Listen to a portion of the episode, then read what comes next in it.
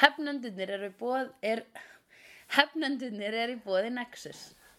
Nexus fyrir þig og þína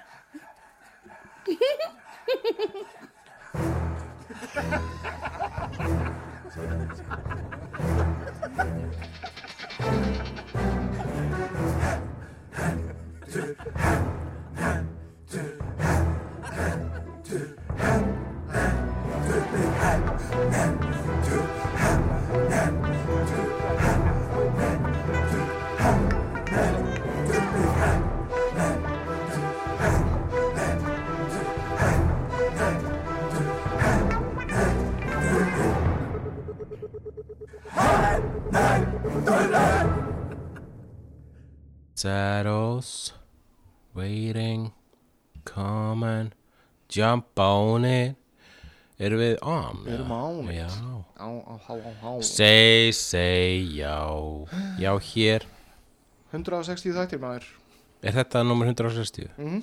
Já og það er fyrir utan all, all, alla svona special þætti sem þú reynda tekur upp vanalega Já, akkurat uh, Það er fyrir utan, ertu að tala um hérna uh, fyrir utan uh, yfirhefslunar, en við erum líka búin að incorporata yfir- yfirhefslunar inn í, í talnamengi þar eru orðnar uh, þar byrjar að vera svona hluti af The Saga. Já, þannig að þar eru sko orðnar episodes.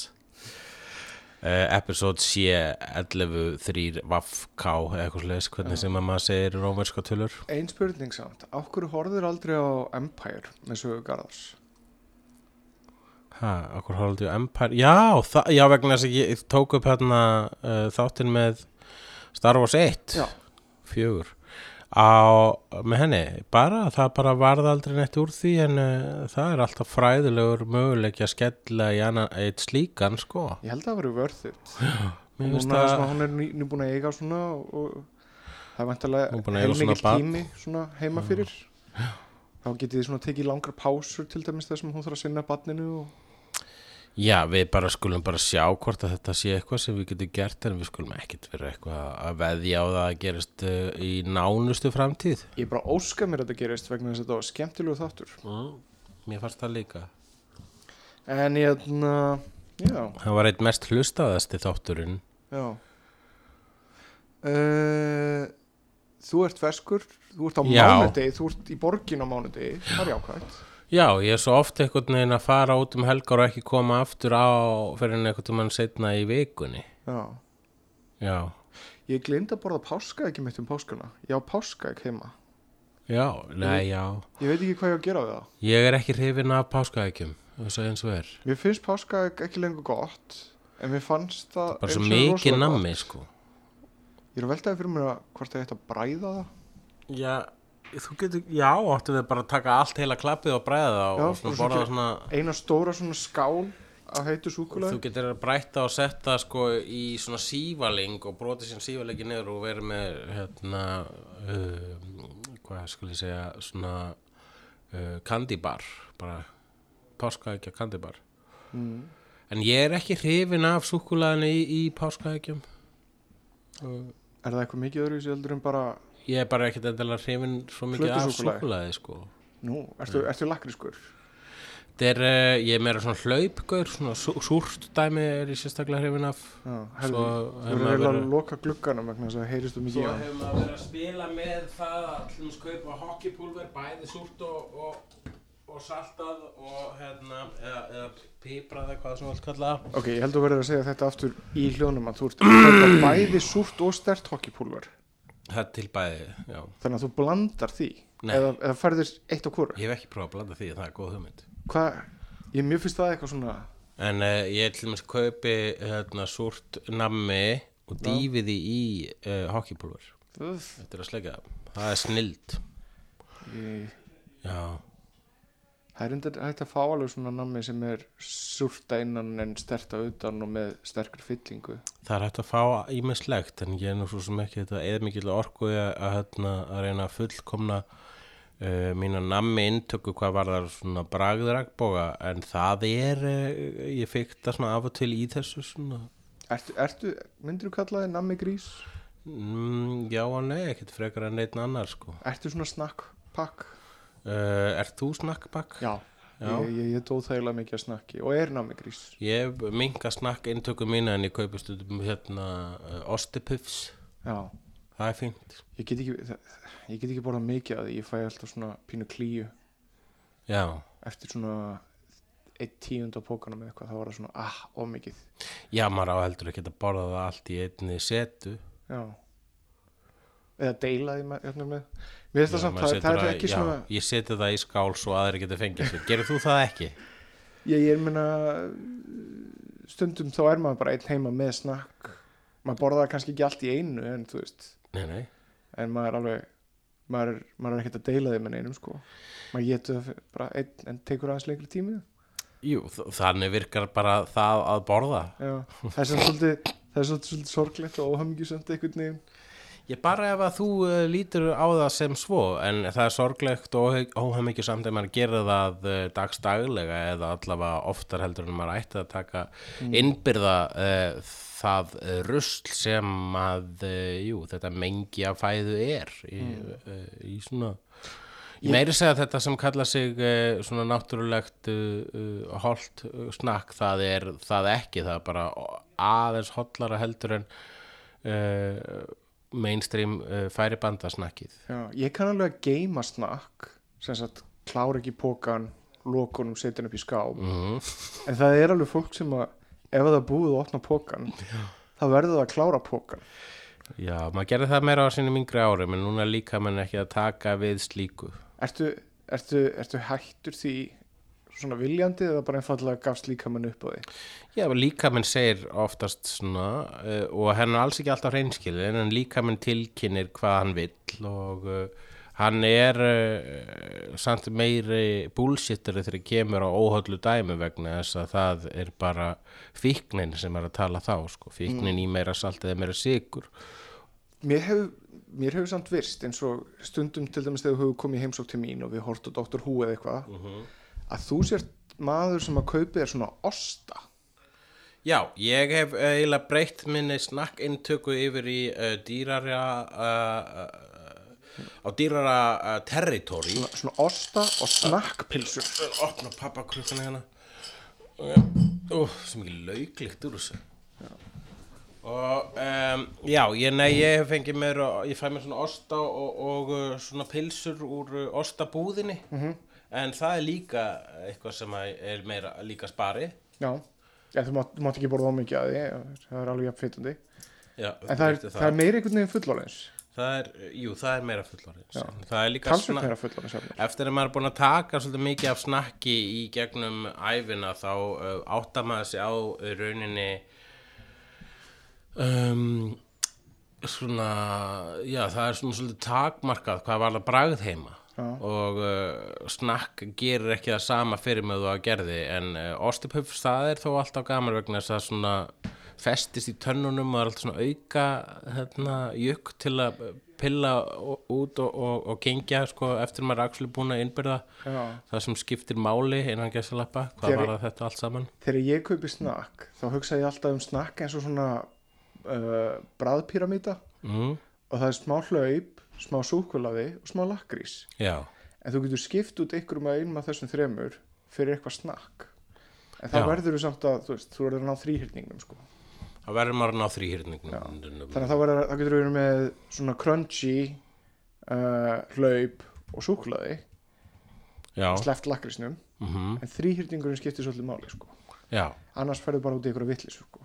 þú getur ekki haft hlaup, lakrís, súkulaði og snakk það er bara eitthvað brjálæði. Ge nei, maður getur það alveg sko. já, það er ekki sniðut nei, það er ekki snuð ef, ef, ef maður er borða einn sko, eins og þú segir. Síðan er líka sko uh, svona blandi pókapókin þar sem þú getur sett hvað sem er sko. Já, það getur alveg fara út í vittlisu sko.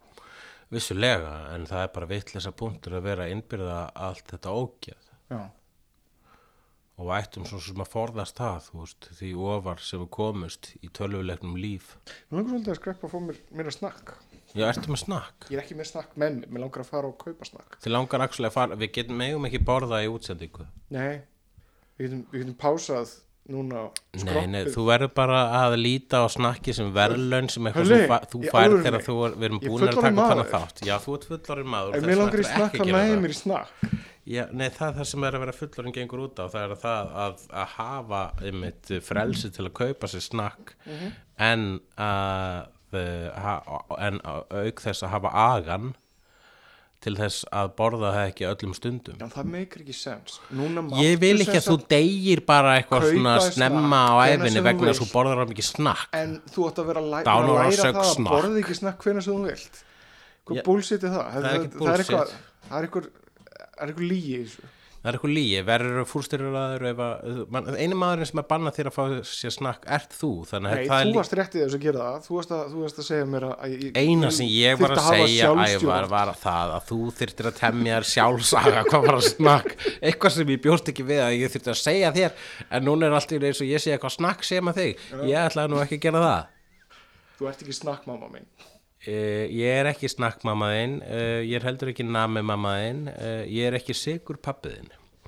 Þú mátt gera það við þinn líkama sem þú vilt og ég mistir með mínu líkama á svipaðan hátt alveg reglulega en við vitum það báðir að þetta er ekki málið og auk þess er, er ef, að, ef að, að þessi nammi og snakk-intaka gerur okkur eitthvað þá er það, það takmarkar bragðreynslu okkar vegna þess að við erum með raunin að fá svona íktar en innihaldslausar versjónir af því sem að er í bóðið að nóti þess vegna kýs ég fremur að fara og eigða auka þúsuköllum í ostabúðinni vegna þess að þú færð uh, sömu, sömu endorfím losna og þegar þú færðir uh, snakk. Ok, þetta er nema að þú færð það actually á bitastæðira hátt. No pun in fucking intended. Já, það er þunglindislegt að segja það upp átt en þú hefur rétt fyrir þér. Vá, það, please. þetta var gott. Þetta var mjög góð setning. Eh, hérna, Eitt reyndar smá pro tips hérna. Uh, ekki tengt snakki þegar ég var að komast að því í Costco þá var hægt að kaupa svona pastrami sneðar já ég hef fengið svona- mér alveg pastræmi sneðar í Costco alveg ég, svona deli sneðar Já, en það er samt Costco. Það eru fínar pastrami sneðar ég meina þú ert ekki að fá eitthvað New York deli en ef þú tekur þetta mm. og síður það til dæmis í kjúklingasóðið eitthvað líka Ok, bara eitthvað svona pínulítið ok. uh, þá ertu komin með alveg svona, svona pastrami, almennlegt pastrami bræði þetta. Þú síður það í kjúklingasóði já, Hva, góða svoði hva, Það- hvernig sí, þú þetta er þegar um, rauninni að þegar búið að matreiða þessa sneið þannig að matreiða það enn fremur. Ég, þú ert umverulega bara svona rehydrata og bæta við smá bræðöfnum Já, það vantar smá kjúkling í þetta pastræmi það er það sem þau gera þarna í katt eða hvað heitir, staðurinn þar sem hún Meg Ryan fekk fullnæðinguna Já, akkurat. Það er svona pastrami sandwich staður. Uh og þá held ég að þeir setja þetta einmitt í svona eitthvað, ekki kjúklingu, náitasöðu eða eitthvað. Já, en þetta er alveg, alveg sloppy og svona blöytt þegar þetta kemur uh, á brauðið sko. Það er sloppið blött þegar það kemur á brauðið.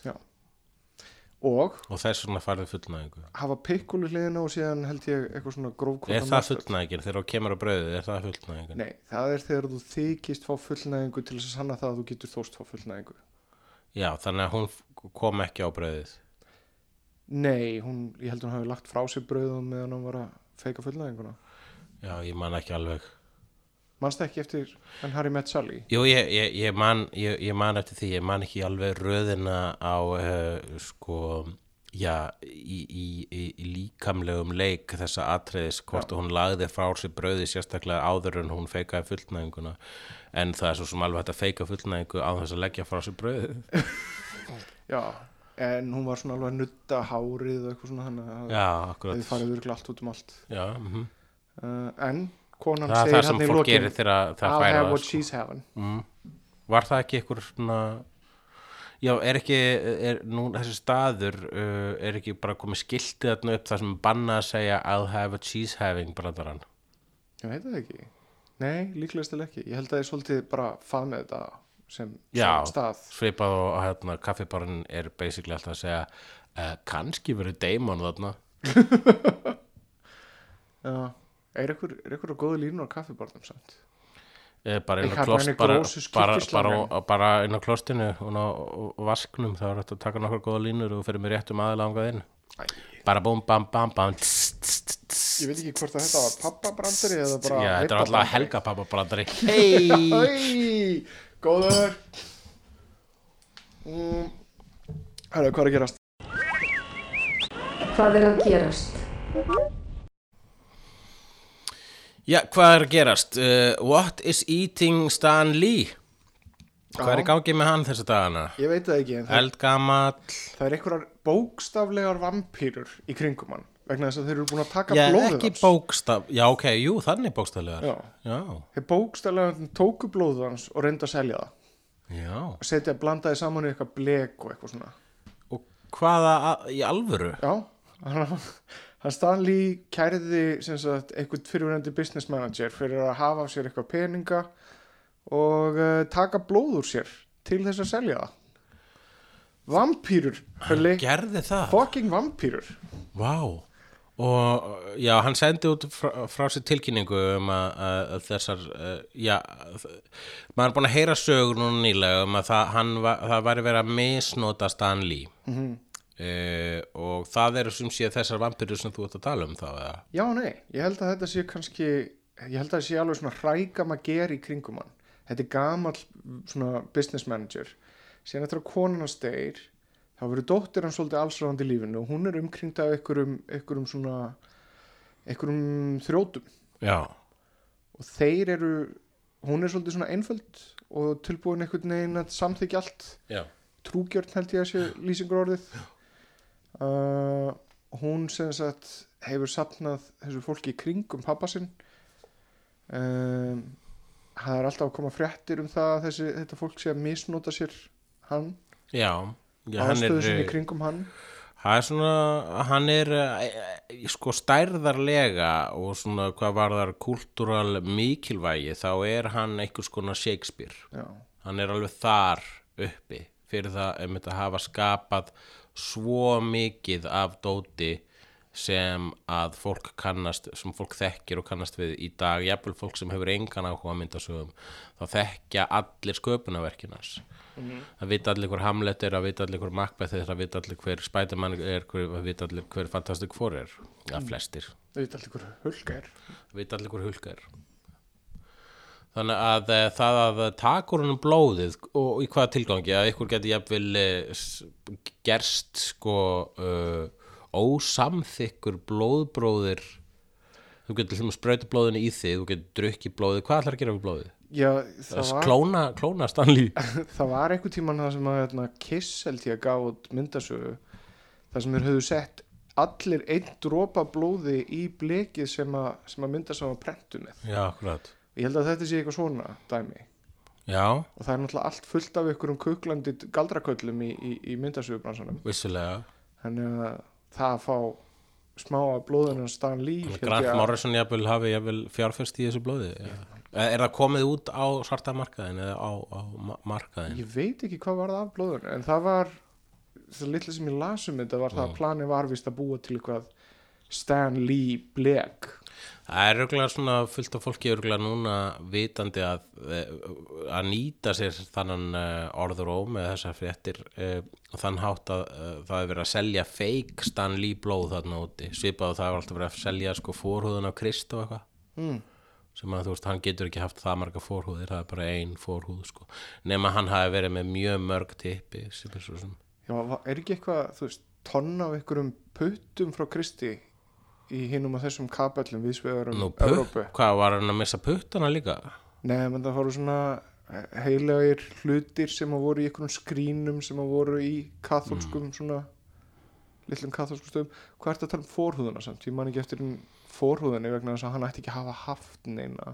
Jú, einmitt, hún var fjarlægð. Já þegar hann var lítið bad já, og kannski geimt áður en það, þú veist, það var svolítið búið að stablisa hei, ég var að geima Já, ég er ekki að segja þessi alvöru fórhúðun hans en ég er að segja að það er fólk þarna sem að úti sem að þykist vera með fórhúð Krists undir höndum. Really? og jafnvel alltaf klónan að mér rauninni aðal plot pointið í sögu Chuck Palahniuk sem hétt uh, Choke sem að uh, var leikstýr af görðunum sem leikur uh, Agent Coulson.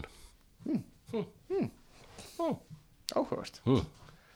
The more you know. Já, ég var búin að gleyma þessu fórhúða kristæmi og tjók ég hugsaði bara, það var svo ókvæmlega mikið af stöffi í Palanhjögg bókum Já, Já, ég las svo margar Palknök bækur á sama tíma það er renna svolítið saman en Já.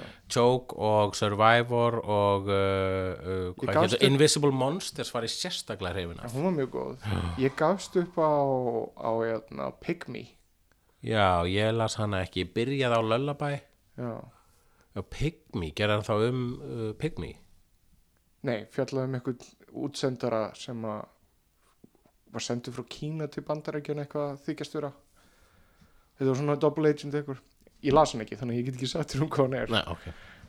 Haunted var áttum móti fín. Ég las hana fyrir þig eitthvað tíman að eina sögurni Já, það var smásagna sapn Þú last hana fyrir mig meðan ég satt í heitum potti. Já, Það var skrítið. af Guts Þannig að, uh, já, það var aðteklisett moment þegar ég fór í heitapottin til Pétur Yamagata og þú sast á kantunum og last fyrir okkur sögu. ég var veikur og Mhm. gæti ekki farið í pottin með ykkur annars hefði virkulega mér slegið niður Gerur þetta ofta að lesa sögur fyrir fólk sem situr í heitum pottum? Nei, fannst þetta sniðu hugmynd Það er mjög þakklátt, ég gleymi sér sögu ekki ekki. þetta var mjög góð saga og var mjög heitlandi og fjallaði með um mann sem að misti þarmana í niðurfallinu á uh, heitapotti. Já, hann var að runga sér.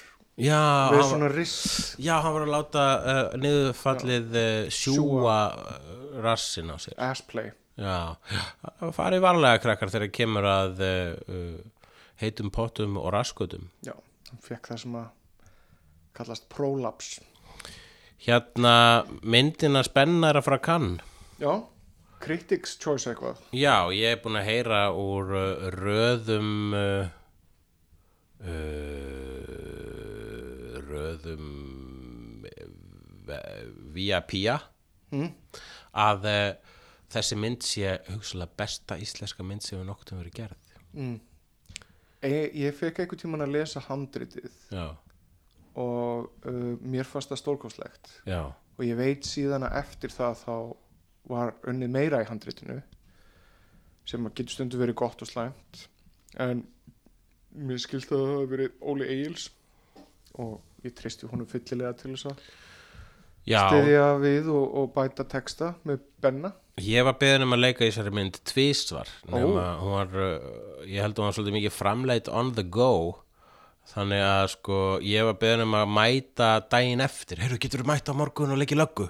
Og þá var ég í, á seyðisfyrði mm. uh, heyrðu getur þú mæta morgun og leikið fangavörð og þá þurfti ég að hlaupa í uh, marathoni. Já. að hálfu marathoni, nei, einum fjórða fyrir ekki og uh, þannig að ég sérstaklega leðilegt að geta ekki leikið fangavörð að, og núna finnst mér sérstaklega frústurandi að hafa ekki verið í myndinni sem er hugsalega besta íslenska mynd allara tíma. Það Benni nú ekki þau eru öll maður menn. Ég held að hann ekki- geti alveg vippað öðru mistaraverki út úr buksnaklöfin á sér. Já. og út úr buksnaklöf sköpunar. Já hann er Norðurlöndamistarinn í kvikmyndagerð. Mögulega verðandi heimsmeistari. Nú, já, já. Jú, jú það er hægt að segja það vegna að hann vann svo mörg velun fyrir Hrossoss já,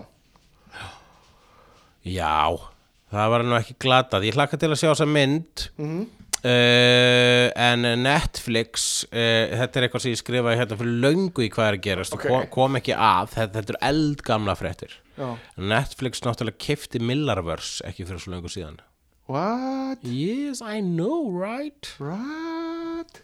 I know ok, það var alveg tonna góðu stöfi væntalega Já, vissur þetta ekki? nei, þetta er gaman Millarverse er sem sé bara hérna, Hva, hvað er í Millerverse?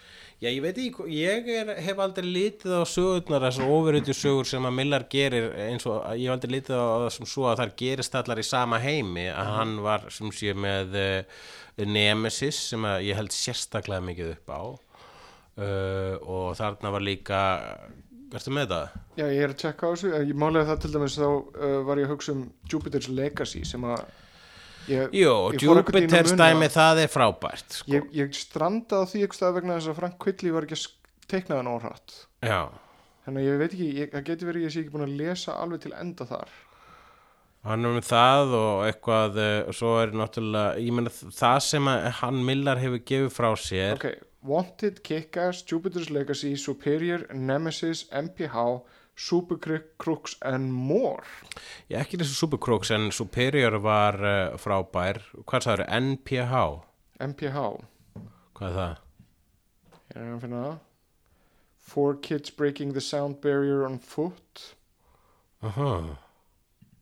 Það sem búin að gera svo mikið. Uh, hans, ég er mjög hrifin það eru svo rosalega lesanlegar hans bækur og það eru allar líta út fyrir, líta út eins og draft að bíómynd. Já, það er svona virkar svona vel sem bíómynd sérstaklega Kick-Ass og uh, fyrri myndin af hérna, uh, hvað heit hún, Kingsman. Já Seinni- setni myndi fín líka. Þér fannst hún fín, já þú sást hana Mér fannst loksins. hún stúpid en mér fannst hún ekki betri en fyrir myndin Fatt, en, ertu ekki sammála því sem ég sagði um að það var svolítið mikið Spy Kids? Jú, það var svolítið mikið Spy Kids. Það er svolítið aðeins svo mikið af ridiculous shiti. Já og líka svona problematic hlutir hvað varðar uh, female representation. Já, það er það sem að mér finnst líka vera problematic í mörgu frá uh, honum Millar en, uh, að, en svo bætir hitt girl fyrir upp fyrir svo mikið af því sko. ég held að þetta sé ég held að Kingsman 2 hérna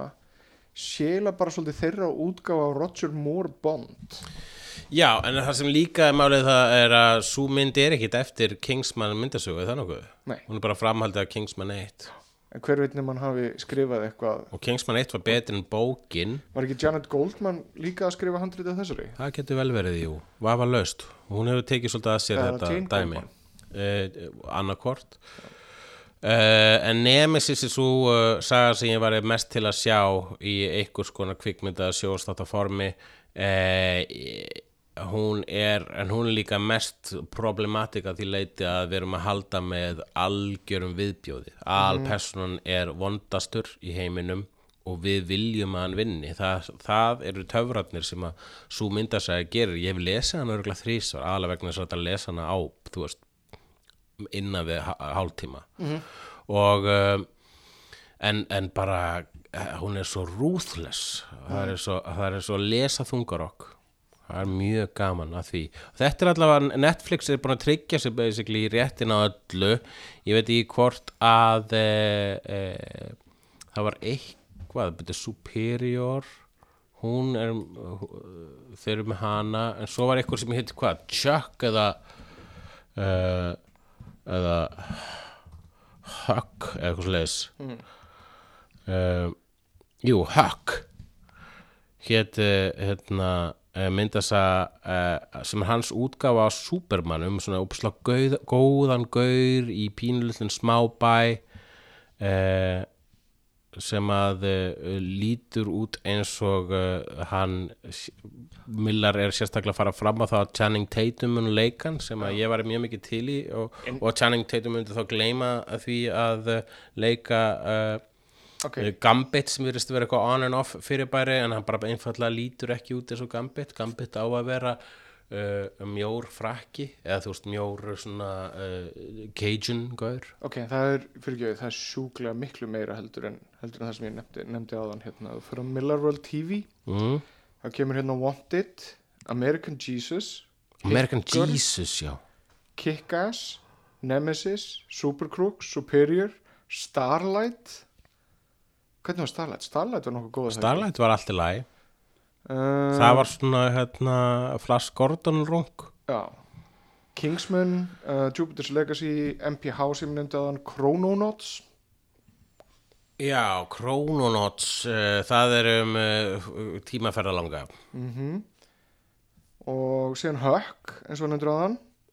Síðan líka Empress og Reborn Já, ég hef ekki lesið megnið af þessu, en ég las Starlight en þar sem að eh, ég, já, ég held að uh, American Jesus getur verið aðteglisvert, það var hans útgáfa nútíma Jésús rauninni í uh, bandarækjunum sem er hugmynd sem að margir að leiki sig við en um, fólk, það, það er bara svo, hérna, svo mikið on the nose dæmi að vil kannski ekki, vilja kannski ekki allir taka það að sér. Mm Já, segðu þetta aftur. Kingsman, Starlight um, já, ok, ég þarf að byrja hérna aftur. Wanted, American Jesus, Hit Girl, Kick-Ass Nemesis, Supercrooks Superior, Starlight, Kingsman MPH Jupiter's Legacy, Chrononauts, Jupiter Circle Huck, Empress og Reborn. Já, ok. Þetta er tonn og góðu stöf Superior er, skemmtileg pæling líka.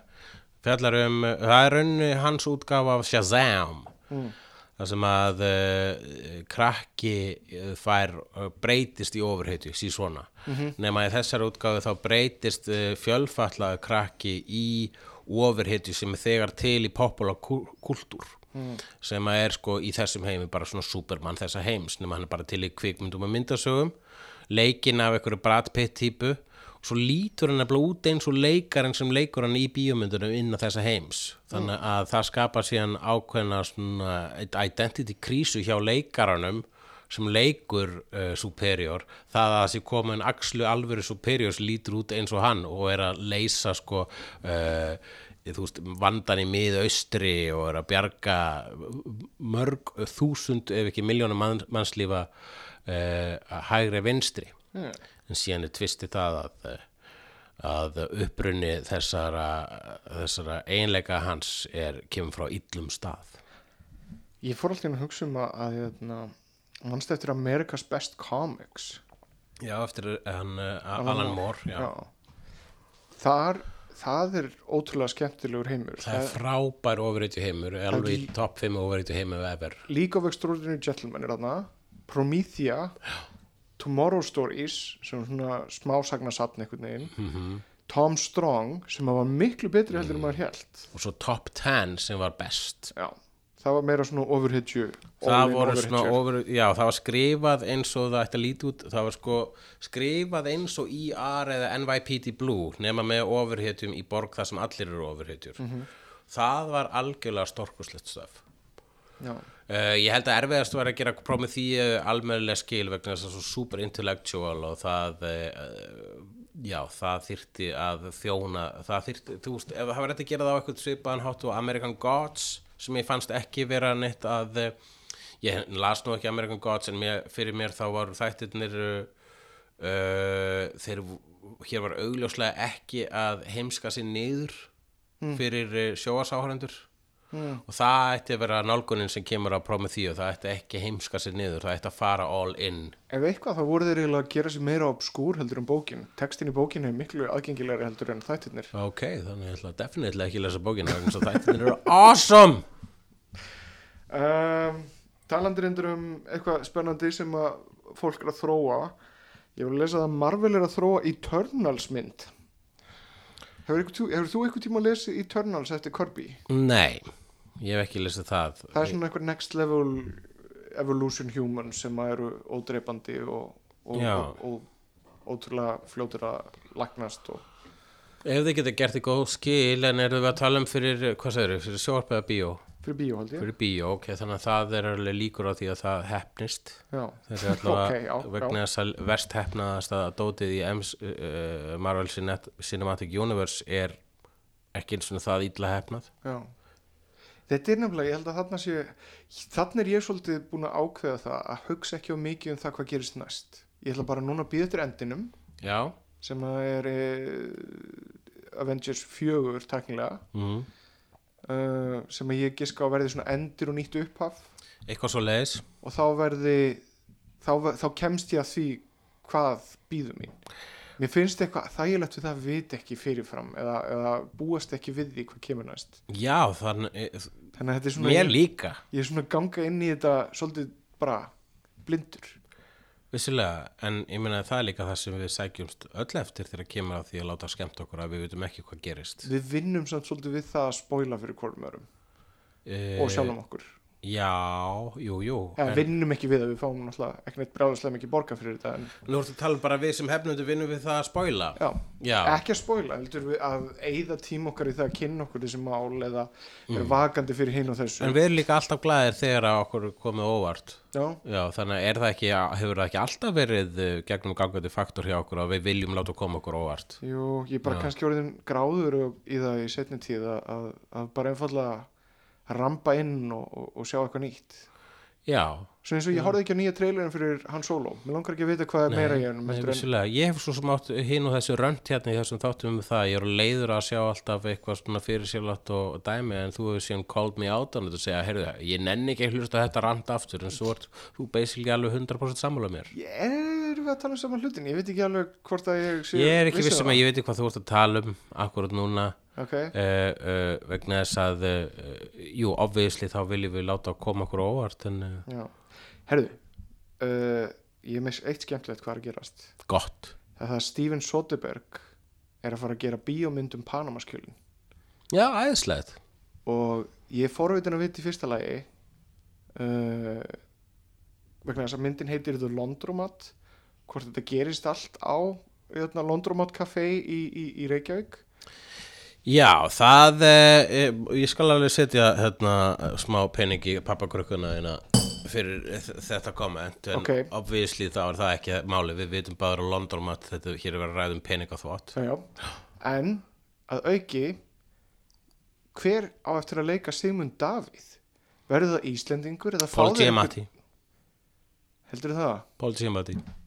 Ah, mér finnst það svo einfalt svar Ok. mér langar að sjá eitthvað fara í fatsút Nei, mér langar að, þú veist viltu sjá hvað var í fatsút? hvað með þarna strákin sem Hvað Pugsley í viltu, Adams Family viltu að, að að gera? Sodenberg geri eitthvað Norbit útgáfa af Panamannskjölunum? Það geti líka verið að uh, sem myndu Davíð verði öðruvísi útlítandi, hann verði svona eitthvað myndalur, hvað var hann er Brad Pitt hvað var þetta ekki svona flustuslegt, uh, flustusleg viðbröð í viðtælinu heldur bregst hann við eins og eitthvað Kevin Spacey í House of Cards óslega cool á því hvað þau breyta sögunni hvað þau endurskrifa Sigmund Davíð. Æ, ég- það mun ekki skipta með miklu máli Ég meina að það er bara stjórnmálamenn að hafa uh, hvort, þú veist, það skiptir að mun ekki skipta nefnir máli vegna þess að ekkert skiptir máli. Vegna þess að við erum ennþá með Sigmunda við erum ennþá með Bjarnabenn við erum ennþá með alla sem búið að bösta aftur og aftur og aftur. Og augljóslega skiptir einhver máli og, með- og það sorglega er að það, við erum ekki verst í þessu vegna þess að miklu meira bleitant og ykt dæmi í stærsta pólitíska sæti eh, heimsins sem að er hann uh, uh, bandaríkjaforseti þannig að sko ef að við sko getum listamenn geta endurskrifa söguna eins mikið og vilja það er samt ekki jafn mikið endurskrifa söguna og sjálfur karakterinir sem þeir eru uh, að uh, byggja kvikmyndin sinna á vegna þess að uh, þetta skiptir engu máli. Næst þegar ekkur pólitíkur skeri jafn mikið skandal og Sigmundur Davíð að hver sem gerði það undan þá verður aftur mótmæli og þá er allir búin að gleyma þetta en eftir ég er búin að eiga þetta rant áður. Já, en hafðu samt í huga að Sigmundur Davíð er ekki fórstisáðar lengur og er já, búin að stopna nýjan flokk. Já, og fólk kýst þann flokk og sá flokkur gerir það gott. Þú veist, nothing matters Hvernig getur þú sagt að nothing matters þegar að, þegar að maður er hrakin frá er- völdum er bara og kemst ekki aftur til Í- valda? í Lýðræði er brandari.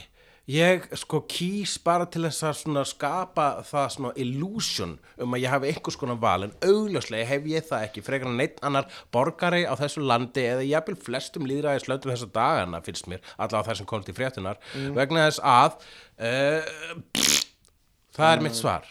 Ok, við fórum þarna inn á forvöndilegri slóður heldur en ég átti von á Þannig ég ætla að breytum umræðu hérna uh, Gabriel Luna sem að lér Ghostwriter í hérna, Agent, uh, Shield þarna þarna, síltáttunum, já uh, verður nýr Terminator í myndinast Tim Miller Já. Ok George R. R. Martin er að fara á live journal með Notablog bloggi sitt Hvað þýð það? hann er með blogg sem heitir Notablog sem að er eini náttúrulega þar sem ekki farið eitthvað fréttir úr honum. Já, beint frá honum, þetta er bara hans eigin persónlegi staður.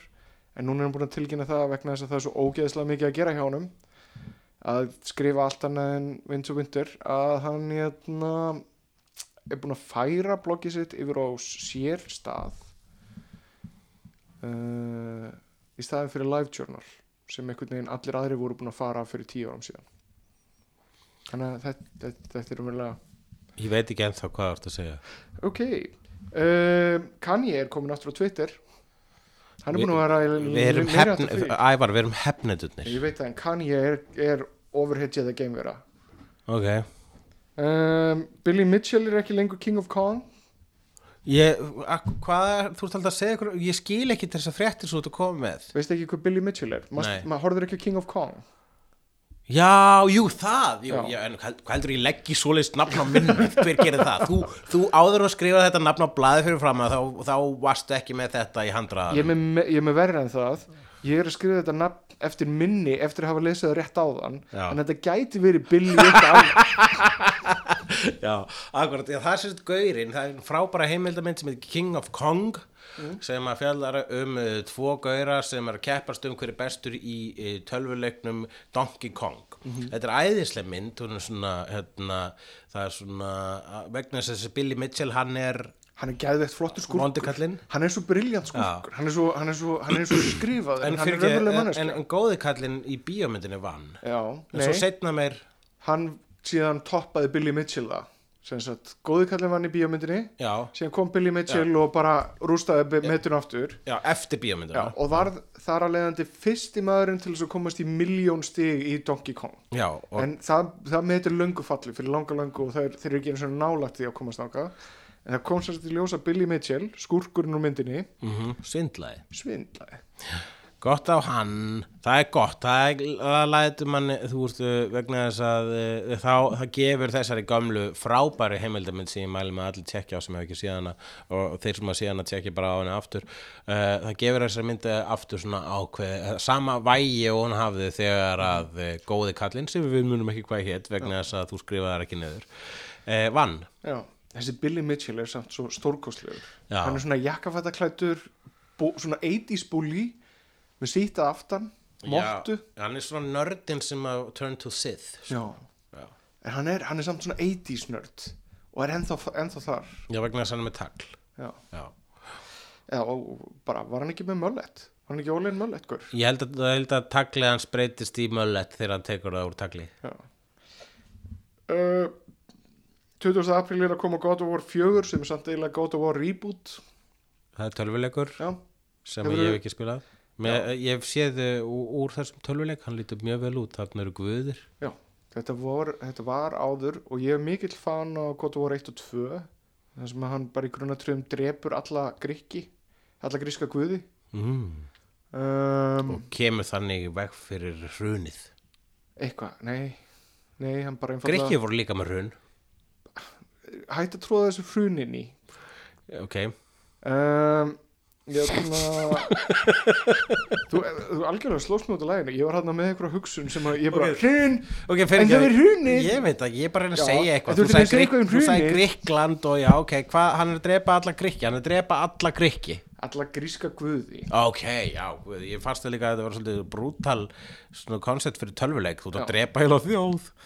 Já, það er enda miður það hvað er drepið mikið af einhverjum hermunum og svona þá, þá, þá held ég að hálft Gríkland hafi fallið í valinu Já, en ég menna það er bara yfirvöldum að kenna fyrir að senda þessar saklísu sálir í stríð. en það sem er fornilegt við þetta svo kallar reboot er að þetta er samt áframaldasögunni heitir God of War en ekki God of War 4 eiginlega. Og þarna er svolítið verið að, að gera upp þessa fortíð. Hann er ekki lengur þessu ofbeldisfulli maður sem hann var Hem, blindur af hemdarþósta Þú hefur greinlega að spila þessa leiki. þetta eru góði leikir. Já, fyrstu tveir allána, hans triðið svolítið bullshit já, já ég hef alltaf viljað spila þessa leiki. Það eitt leikur var notaður sem svona background dæmi í e, uppsetningun á leiki í þjólkosinu. mm. ég mæli hendur eindreið með einmitt fyrstu tveimur leikunum, út af því það er svo fallega notuð myndavélin það er sem sagt þeir stýra myndavélinni þannig að þú ert ekki að stýra henni sjálfur Já, og þá, þá er hún alltaf staðsett þannig að hún lítur fucking gorgeous út og þú far svona risastóra svona sense of scale, þú far svona tilfinningu að þú sett pínu lítill í risastórum heimi það, já, ég ætti að prófa þetta. Ég var að klára Wolfenstein, já, tvö þar að segja. þessi nýju God of War aftur á móti og aftur ekki, ekki eftir að nota myndavélinu svona herri já, síðan uh, TJ Miller Steak Já, Ste a- steak, algjör steak já, hann er steak. já. Uh, við vitum það fyrir að hann var með einhverja heilaskemmt hann fekk heila blóðfallið eitthvað líka. Hann fekk, hann fekk, uh, hann var með heila æxli einhvern tíman, eða hvort það var heila blóð, það mann ekki, það gerði það að verkum að það hafði áhrif á uh, hans geð og persónuleika. Uh, s- sem hann segir frá í, uh, í einhverju, einhverju YouTube-fæl sem þú getur fundið sem er mjög flott saga sko, það sem hann var að gera núna var það að hann var að uh, hérna, þú ert alltaf að senda mér linka á hans vegna þess að þú er TJ Miller fan. Ég er títi mínu fan. Er ég, er ég anstíkilegur að deila með þér? Mér finnst þess að þú sért svolítið svona sjáðu hvað heitið hann er að gera núna mér, ég, mér Ó, þannig ert að gera þetta. Ok, ok, það er ekki er ég, Núna líður mér illa, æ, ég ætla ekki, ég ætla ekki að særa þig með þessu Ég er bara svona, Já, ég meira þú veist, það er nógu mikið af svörtum blettum á hans uh, þú veist, uh, Fer fjölgandi. fe- fe- fe- ferli og maður er ekki búin að fá staðfyrstingar á hvort að sumt af þessu er satt eða ekki, það er ímislegt sem mæli gegn því annað sem mælir ekki gegn því og ég get svo sem ekki tjá mikið, um það. Eins og ég get sagt að mér finnst TJ Miller vera einn finnasti grínisti á þessari plánutu og uh, þetta, þessi nýja steikans breytir engu um það. Það að hann hafi hringt inn sprengjuhótun út af einhverju veistu út af hverju? mér skiptir eh, vegna þess að ykkur fór í taugarnar á honum í lest. Já, já, skiptir mig engu máli bara yes, frábært, þú ert, þú ert greinilega crazy en haldt áfram að gera góða brandara en ég hugsa en á samba tíma þá uh, óttast ég um geðhilsu hans og vonaði að sé allt í lægi hjá honum en samkvæmt nýlugum færslum á Twitter þá er hann ennþá full of fem og lætur að þetta hafi ekki gerst en ég er ekki svo sem ekki búin að fylgjast með því. Ég fylgjast aðlega með grínun, grínunans já, ég hef pínlítið áhyggjur á því að hann sé ekki alveg heill. Já, ægi það er bara með, máli með svo marga þarna úti svona af celebs og bara fólki hinn skapandi stjættum þetta er riddled við uh, uh, að vafa sumum einstaklingum og uh, og fólki með geðhilsu, með geðhilsu og reiki en það er svo sem fylgir oft snilligáðu Ef að skella okkur í stóru spurninguna? Já, við getum gert það. Eh, kannski við fara fyrst í Auglýsingar auglýsingar, ert þú með auglýsingar? uh, Nei, en þú Nei. Jú, ég með auðlýsingu.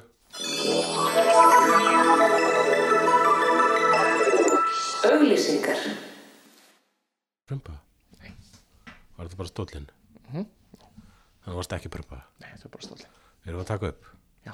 Já, Ok.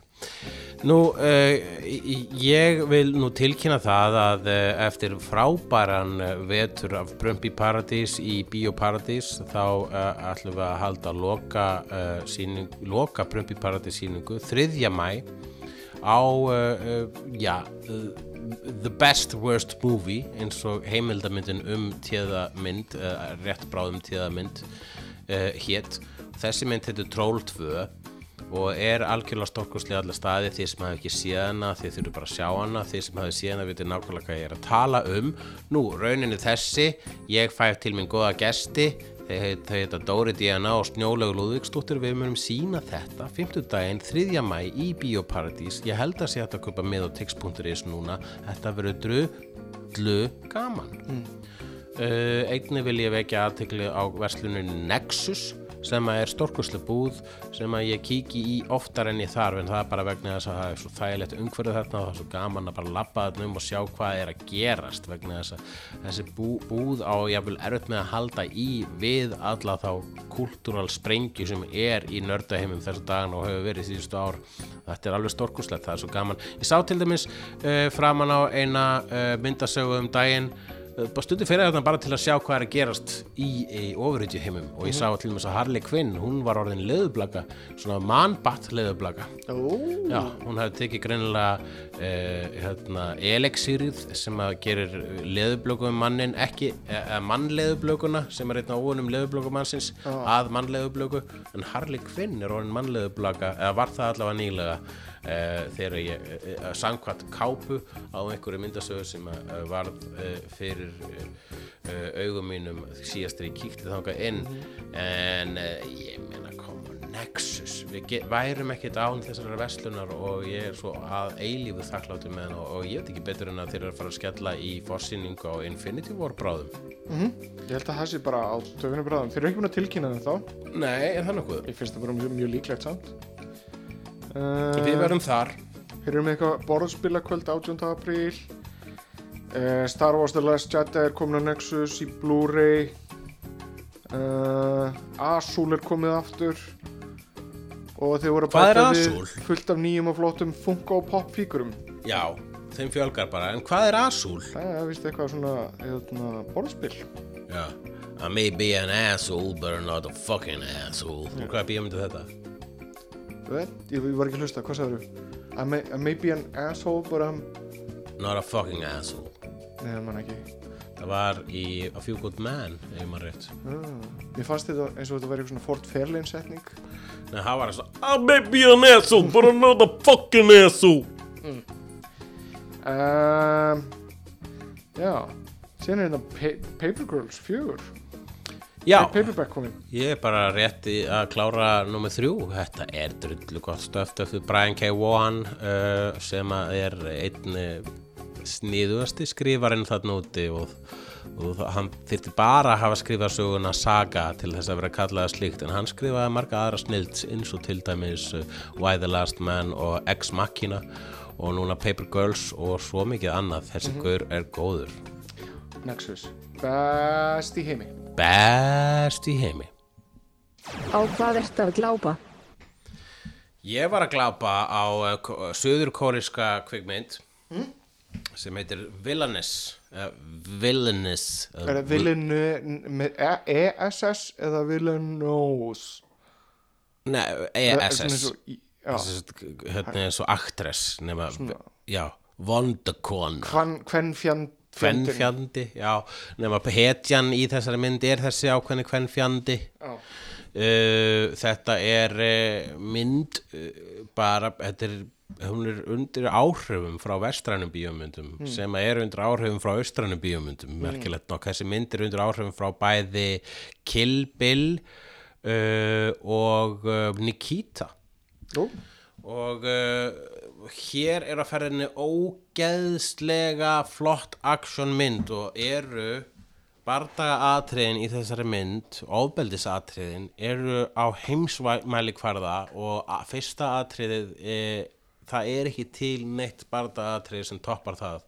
Það er first person uh, atriði. Mm -hmm. það við sjá, sjáum allar tíma sjónarhornu uh, hvernig fjandans og uh, það eini gallin við þessa mynd er, já, kannski tveir en þeir skipta minni og svo svo mikið miklu máli er það að uh, fyrsta atriði er besta atriði sem er alltaf pínu mínus. Þegar þú bara svona byrjar á að sína það besta sem þú eru upp að bjóða í upphæfi myndarinnar svo toppar myndina aldrei almennilega. Reyndar kemst þú mjög nálætti í síðasta atriðinu. Og, og hinn gallinni sá að það er svo mikið að twists and turns í þessari sögu að maður hætti að fylgjast með ákveðin tímapunkti þannig ég veit í raunin ekki hvað gerist í þessari mynd.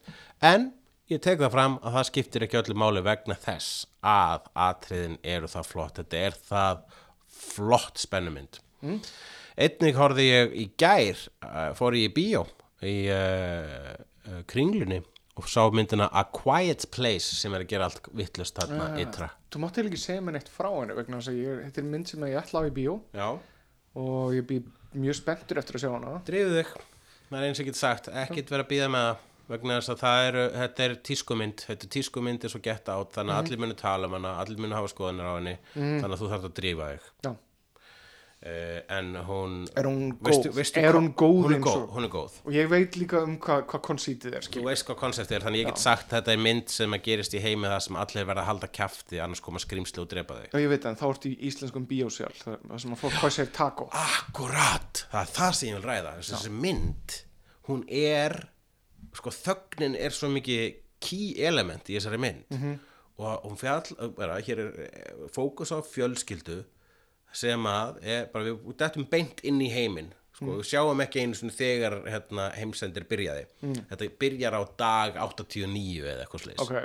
og eða degi fyrir ekki 89 og um, uh, og það er það, hérna, það sem að skapar drungan og spennuna er, er þetta, þetta rosalega grundvallar uh, konsept sem er það að personar verða og það svo segja, segja ekki neitt og hafa ekki neitt að hafa þögn. Hafa þögn. Já, Já, uh, og, og hérna, ef að þú bara, þú missir uh, bílleiklana þína Mhm. -hmm. sem ættir að vera að nota þess að bílar gefa frá sér hljóð, ef þú missir eitthvað já, niður á jörðina, þá heyra skeppnurnar það og þær eru fljótar í spórum mm, er það eitthvað sem það segir, fljótar í spórum snöggar á fæti?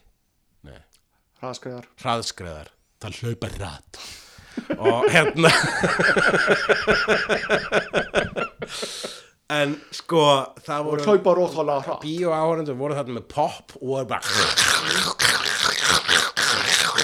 allan tíman sem að sko trublaði mig sérstaklega mikið fyrstu tíu mínútunar en síðan smátt og smátt er eins og annarkvort fólk kláraði poppið eða átti að sig á því bara, veit að minni, ég þarf að er svip og ég, Ég held að það sé svolítið konseptið sem er svo spennandi við að fara á þess að myndi í bíó er það að maður færa að upplifa þetta að fólk verði meðvitað um sjálfsög út af þögninni? Ég nefnilega, að þegar ég fór ekki í fullan sal en þegar þú færi fullan sal á uh, hérna, vinsælar hryllingsmynd uh, þá, ve- e- þá öskra salurinn eins og er úrsipanna gerðan sem eru með hluti af reynslunni. Ég mani upplifði þetta við Scream og ég mani upplifði þetta við uh, hvað heitir myndina? Sam Raimi Hell, Take Me to Hell Go to Hell þarna með Já, drag me to hell. Drag Me to Hell.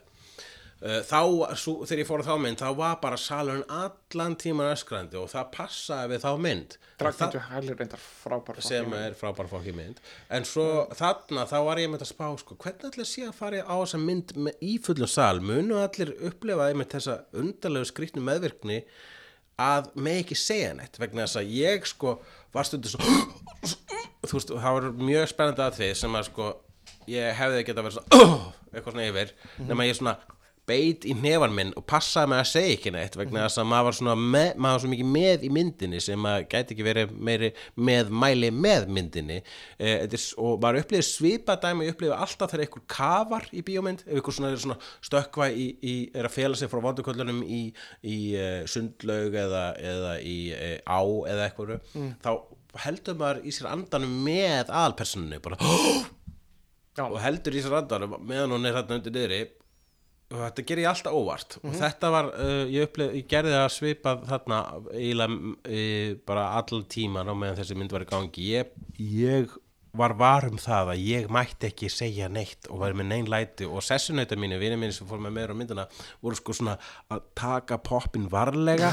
Þau borðuðu poppin rétt sko. Tóku poppin svona varlega úr pókunum og lítið svona bráðna á tungunni og gátt og voru einmitt bara eftir myndir ég gæti ekki þessu feiki bara alveg poppi yfir þessari mynd, ég var svo ógeðslega hrættur sko.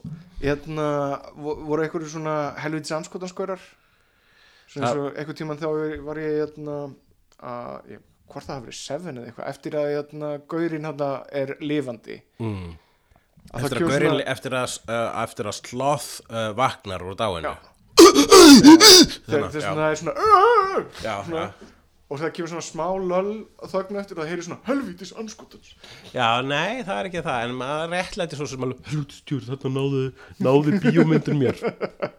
Þarna var karlmennsku minni augrað en uh, það var ekki mikið um það. Það var heldur ekki svo slag fullur salur sem ég var í uh, var ég að veikjana en uh, já, ég hérna, mæli eindreið með þessari mynd og ég mæli líka eindreið með það að fólk borði hljóðlega yfir þessari mynd þess að þetta er hljóðmynd. Hún er hljóð, þessi Já. mynd. Hljóðmynd, hljóðmynd hljóðmyndin er með hljóð, hljóðmyndin í þessari hljóðmyndu hljóð. Uh, ég eftir á móti uh, horfði á Paddington 2 loksins Já, eftir að horfa á Paddington 1 ég, mér, ég hef heyrt að þau gera þetta rétt. Paddington 2 er bara delightful. Og Paddington 1 var það líka. Já. Ég finnst að Paddington, Paddington 2 betur en Paddington 1 það er gott að heyra. Uh, ég hlakka til að kíkja á þessar myndir. Ég var einmitt að spá í þessari nýju bylgju barnamynda sem byggja á uh, virtum barnabókmöntum mér finnst hún ekkert minna mig á bækurnar um Paddington Björn Nei, finnst en bara gera þetta samt rétt. einlægt og gott. Já, en það sem að bækurnar voru voru einlagar og góðar. Já, þannig að því leiti þá gera þetta rétt. Ég er nefnilega að hugsa sko um að hérna, þannig tendesa hjá Hollywood til þess að draga uh, eitthvað sem var einlagt og gott yfir á miklu meira svona uh, kick-ass level. Mm. sem að virðist vera raunin í sambandi við Peter Rabbit. Já, ég sá trailurinn Peter Rabbit og það voru bara einhver nagdýr í kappakstur. Og ég hugsaði, ég man ekki eftir að eitthvað actually gerðist í Peter Rabbit. Þetta var alveg bara Peter Rabbit að segja oh, I, oh I'm sorry. I, I, I, I uh, promised uh, my friend that I would uh, uh, please uh, þú veist, það er eitthvað svona. Carrot, what Já, þetta er svo sko, ef fólk eru ef það kemur einar áskellmynd verður allt einu aksjónatriði í henni og þetta var einmitt það sem tröflaði mig ég sko, þegar einar áskill þorir ekki heim Já, það er alveg aksjónatrið, sko. Já. Þegar þú veist, einhvern veginn sektin vomir yfir honum í myrkrinu Vistu það, ég las, ég svona gluggaði gegnum einar áskilsbók nýlega og þetta er, þetta gerir góða hluti fyrir nostalgíuna mína og mér finnst þetta mjög fallega unnið en ég get ekki sagt að mér finnst þetta skemmtilegt Þetta er ekki skemmtilega eða jafnvel er, er það félags, merkilegt þetta er fjö, sænsk félagsvandamálabók. Já, en þannig að sko, ef að sko, einar áskils live action bíómyndir í gerð Mhm. þá er þeim bara mjög sad og þunglind Ég man eftir að teiknimyndirnar voru rosalega off. Maður gatt, þú veist, einhvern veginn ráðið hraðanum í bókinni. rétt, já, já, já en teiknimyndirnar voru bara svona mjög langir statískir rammar þar sem línan hreyfðist en ekkert annar hreyfðist. Það- Ég, ég hefur rætt á þér hérna, mitt próblem með tinnamyndina Mm. er að hún var of það var of mikið aksjón í henni Já, vissulega flott og frábært aksjón en uh, tinni gengur út á miklu meira svona slúð dæmi. Að þessu sögðu þá var alveg stupid action í Paddington 2 Já, en bara eh, einlægnin og svona þannig að einlægnin hún- þetta er svona, þetta er svona vó- næsmynd næs, næsheitin vógu e, þingra Já. heldur en e, uppduktaði action já, hlutin. token action hlutin sem er verður að vera þarna svo að e, ég veit það ekki, uppáhald sena mín snýst bara um að tala við eitthvað gaur sem að eldar slæman mat Já, og er, er hættulegur Já, ég hlakka til að tjekka á þessu. Ég er enda að las aldrei Paddington en einu ráði en ég man bara að hafa eitthvað bíðandi á lestarstöð. Mér finnst þess að það sem bara Paddington- sé alltaf annað bíðandi á lestarstöð eða svona óvart sullaði á sig í eldhúsi það sem hann á ekki heima í. nákvæmlega, ég held að það sé svolítið Paddington í Já, hnótskur þannig hann er basically Það bara... plott, sko. Það er það sem maður, maður hreyfi við manni vegna þess að það eru aksjón atriði manns eins lífs bara svo, ó nei, þegar maður var lítill og maður upplifði sig eins og maður hefði gert eitthvað ránt og, pass, og bara þorði ekki að segja nefnum að sulla á sig eða þorði ekki að segja nefnum að skildi ekki reglurnar á lestastöðinni svona lagað er það sem Paddington er, það er settur sögurnar sem Paddington er að segja manni fullkomlega. Og það, þetta kemur alveg fram þessi tilfinning, þessi kvíði er í myndunum, eða hvað? Eða eitthvað, já, Já. já, já.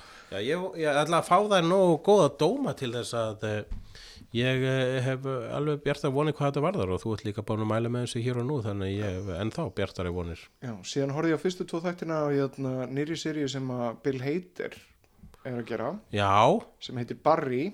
Já, og fjallar um leigumorðingja. Já, sem að uppgötar uh, leiklistina. Já, og finnur sig þar. já, Það er einhver svona skemmtilegu tónn í þessu.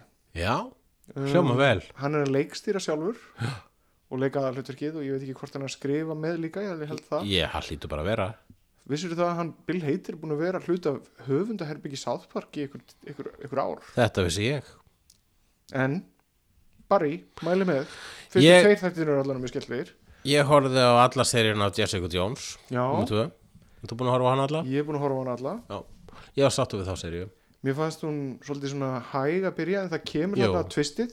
Tvisti kemur, hún er hæg að byrja en það er uh, hæg að byrja er bara, við þurfum alltaf að segja það lengur um Marvel Netflix seríu, það er allar hægar að byrja.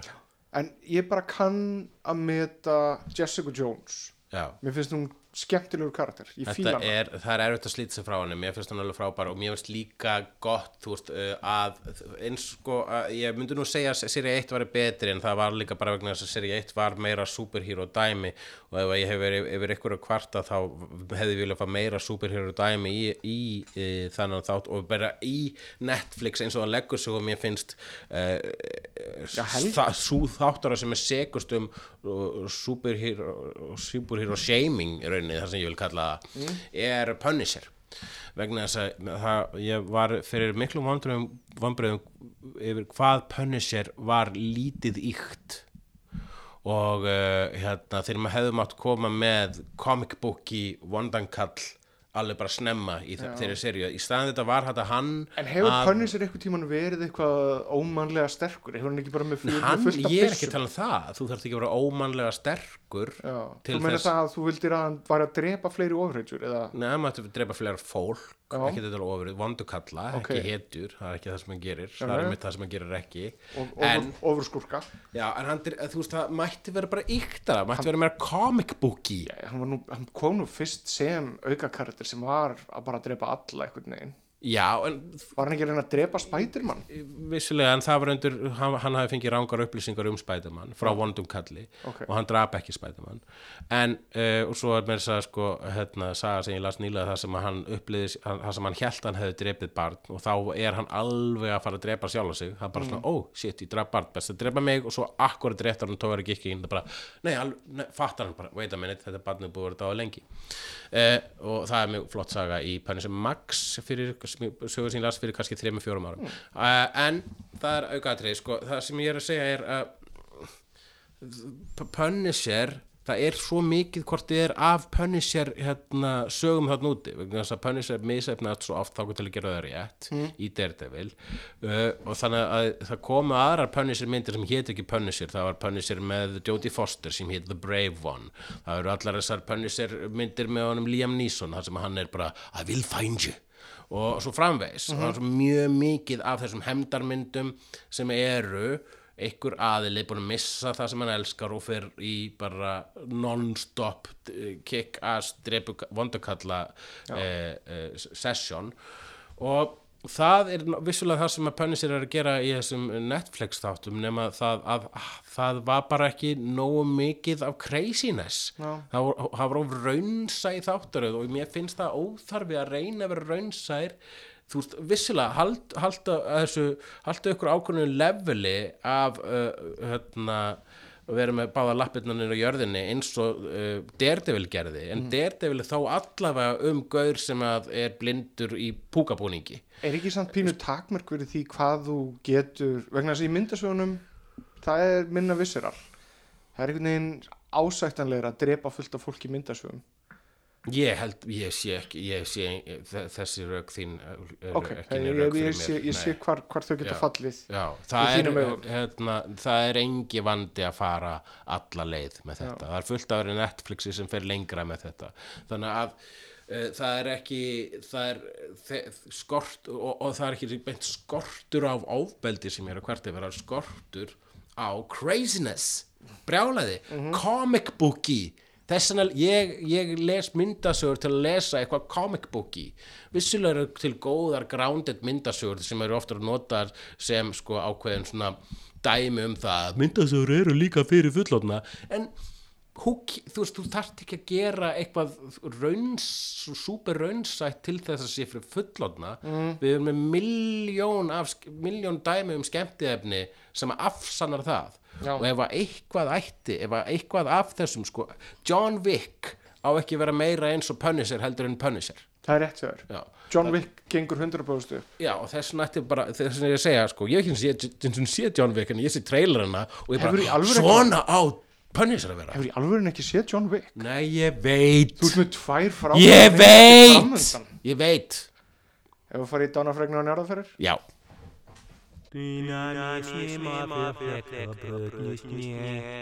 Dánarfregnir og njarðarfarir.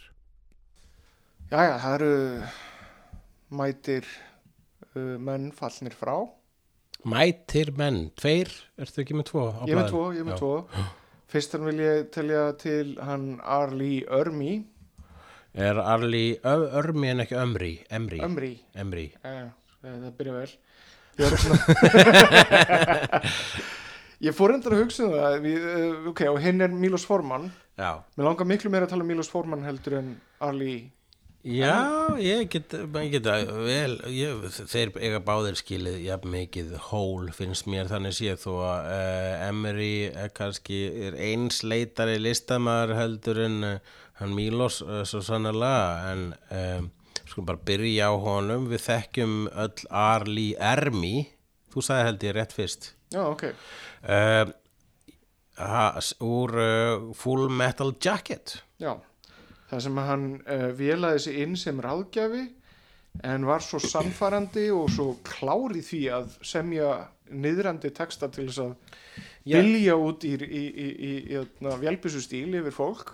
Ekki bara semja, improvisa. Já. megnið, ef ekki allt allavega, það sagan segir að eh, allt sem hann segir í sín, sín, sínum kabla þarna í Full Metal Jacket sem er fyrri kablin á Full Metal Jacket sem er betri kablin á Full Metal Jacket allt sem hann segir hef ég heyrt að sé improvisað sem að er stórkoslegt en hann eh, vann sjálfur í eh, hernum vafalist, já, hann var að eitthvað svona sergeant, ég veit ekki hvort það var drill sergeant eins og karakterinn hans í Full Metal. Ég held að hann hafi nefnilega verið drill sergeant. Hann var mjög góður í þessu vegna að hann gerði þetta dagstæðarlega mjög góður að úthúða uh, krukkuhausum. Já, það er stórkoslegt og það er bara, þú veist ef þið hafi ekki séð Full Metal Jacket þá bara að horfa, bara horfa á hana bara hans vegna er uh, það eru verðlun út af fyrir sig fyrir er að svo- tjekka á þeirri mynd en svo að öðru leiti er myndin náttúrulega frábær. Þetta er svo magna hlutverk að þetta er einhvern veginn verður síðan að ferlinum hans. Já. hann leikur sig.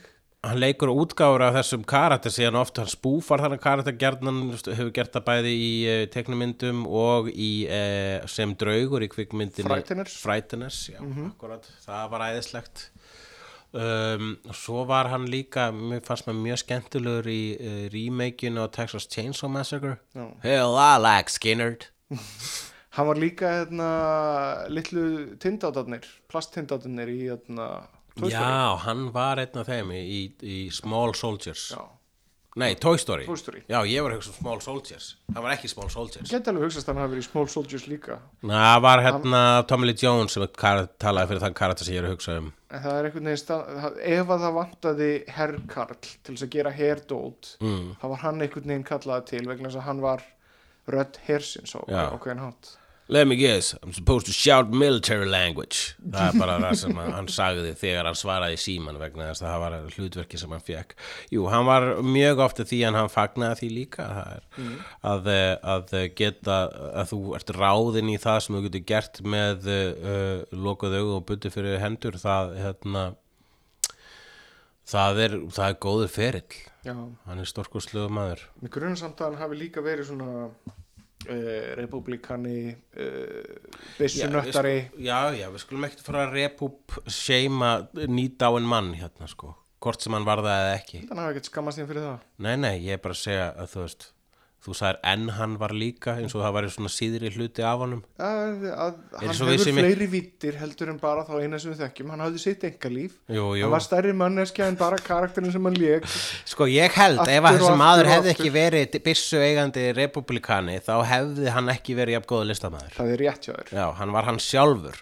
Vissulega er þetta fetta sína fingur út í það. Að sömu vilja uh, nota, setja sína fingur á gikki og skjóti í áttina af öðrum verum af söfu tegund en hver er við til að seima fólk fyrir það?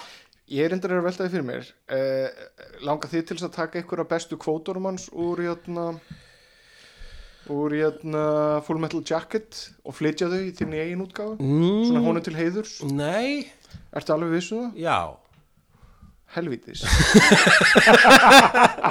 Ég, Nei, ég, ég gæti gert í góð skil sko. Ah, raunin ekki sko. Ég, ég var nefnilega hugsa við um ættum bara að skella einhverju superkötti af hans bestu línum á, á Facebook síðuna, það væri miklu betra sko. það, ég, ég var endar einmitt að hugsa um það hversu fáranlegt þið er að reyna I'm að not your dancing monkey. I'm not gonna shout military language on your Hvað segir uh, hvað, hvað, hvað myndum allir að segja?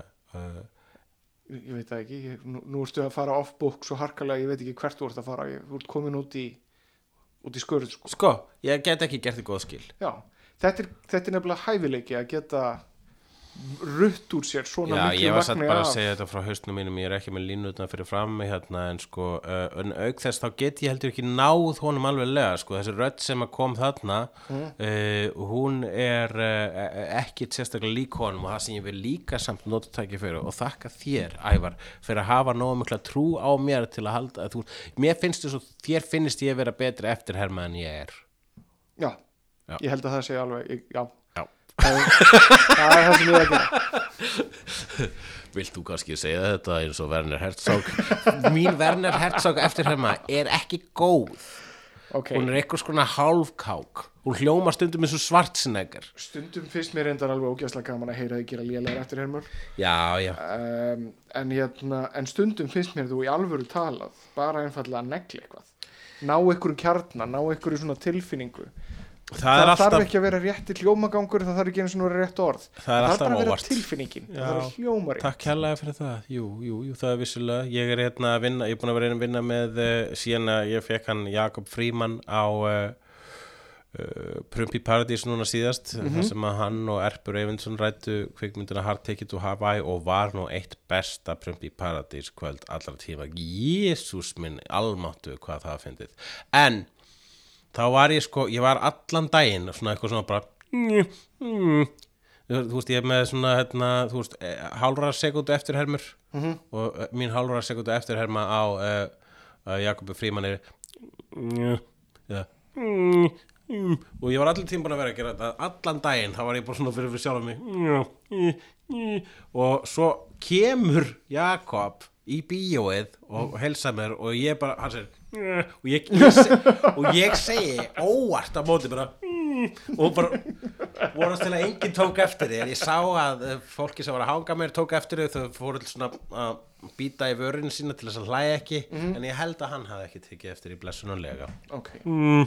En það er, það er að virðingu ást sem þú gerir þetta. Ah, yeah, það, er eh, ekkit bullshit þegar fólk segir að imitation is the highest form of flattery vegna þess að eh, ég var einmitt að ræða þetta bara í hin, öð, öðru podcasti eh, við Jonathan að þú, þú, mund, þú hatarar gera ekki góðar eftirhermur vegna þú þarft að elska eitthvað þú þarft að fylgjast með eitthvað og stúdra eitthvað til að geta gert góða eftirhermu. Svona eins og Jonathan og thailenska backlady Já, Baglady, ég, það, það var aldrei hluti af þess þeim karakter að hún var Baglady, þú bætti því inn. Ég bara fannst að vera backlady leg Baglady leg, hvað áttu við? Hún, hún, á heim, hún á heimili það? Já, hún býr með Werner Herzog í sum af improvisationunum og okkar. þá, þá er hún coming up in the world sko. Hvenær, það var aldrei Baglady Já, ok, Það var aldrei, það var aldrei heimilslus kona sem samna dósum í póka þú veist að eh, slíku fólki ólöstuðu en ég held að hans uh, tælenska, hans tælenski karakterar er uh, ekki baglady, ekki það að hún sé ekki nóg problematic fyrir. Já, þannig að ég ætti að vera maðurinn sem skamma, ætti að skammast þín Já, þi- þitt, þitt ímyndanafl fer stundum á meiri svona uh, já, fer á fer á creepy slóðir af og til ekki meina- creepy, rólegur, ekki, það er ekkert creepy það að breytin í backlady Ok, á hérna orðið creepy er mjög ofikið þarna. Já, creepy er ekki rétt orðið. Uh, þitt ímyndunafl fer á uh, douchey slóð, nei ekki douchey, Jesus Christ, nei, meira á svona hérna, esoterískari hvað þýðir er svo týrist aftur? það er svona hlutir sem er ekki hið venjulega eða, eða svona óhefbundnir Subversive, það er mjög flott orð. Þú subversive fer á mér subversive slóðir en þá er ég svo sem, hér er, hér er ketið til að kalla pottin uh, N-orðið. um, hinn maðurinn sem að lést uh, var hann Milos Forman mm. ég man ennþá eftir því uh, þegar móður mín og fadur minn tóku mig uh, Punktur, þarna endur, þarna endur podcastið. uh, og ég held að ég hef verið hvað að sjá, 6-7 ára Já, ég fór á hana líka þegar ég var svona 6 á ára. Amadeus Já. og það var það var eitthvað terrorrætt það var mynd sem ég skildi engan veginn en hún hafði gífulega áhrif á mig Ég satt þarna sjö ára bad mestalagi, kannski áttara og horfði á alla þessa mynd þægur og þegjandi. Mhm. og ég man eftir að fundist hún góð. Mér fannst hún líka góð. Já, og hún er líka drullu góð. Þetta er uppáhaldsmyndin hans uh, Ragnars Kjartasonar og það er svo sem kemur ekki á óvart. Það er líka gaman einmitt með hana uh, ég hafði ekki hort á hana aftur uh, hún var bara einhvern veginn störk svona föst í minningun minni. Þar til að ég sá The Last Action Hero Já, þar sem að það vísaði í hana sem eðna, vondigægin úr Amadeus gaurinn sem myrti Mozart. já, já, já, já, he killed Mozart. Alveg rétt. Það var, það var slá fyndið uh, mitt að, uh, um, að mér finnst það alltaf fyndið í bíómyndum eða í sjóarpstáttum þegar að það er sko verið að, uh, acknowledgea önnur kvikmyndaverk í, í þeim ímyndaði heimi sem að þessi þáttur að bíómynd gerist.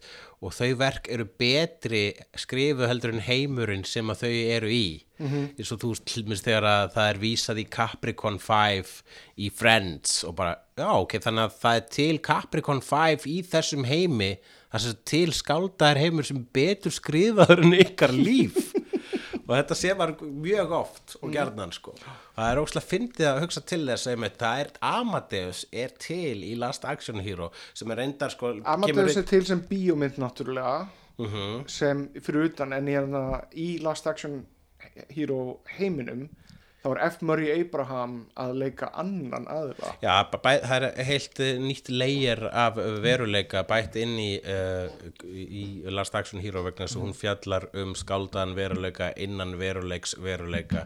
Nema veruleiks veruleikin í, skál, í skálda veruleikanum sem er í Last Action Hero er, uh, myndi ég segja til dæmis raun, óraunsæri og verðskrifaður, svo maður gerist snoppaður heldur en Amadeus. Mm sem að er mitt aðteklisrætt að hugsa til þess að þessi óþólandi krakki er til í sama heimi og Amadeus bíómyndin sko.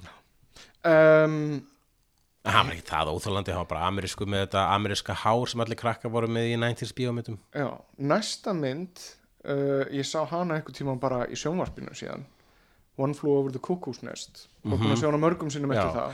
Þetta eru þessi svona, mynd, hvað myndir þú setja á top 3, þú veist hvað er, það er Amadeus, One Flower, Cuckoo's Nest og svo hvað? Man on the Moon, Man on the Moon, myndir þú setja hana í þriðastæti? mögulega já. Hún er, það, það er eitthvað Larry magic í Flint, henni.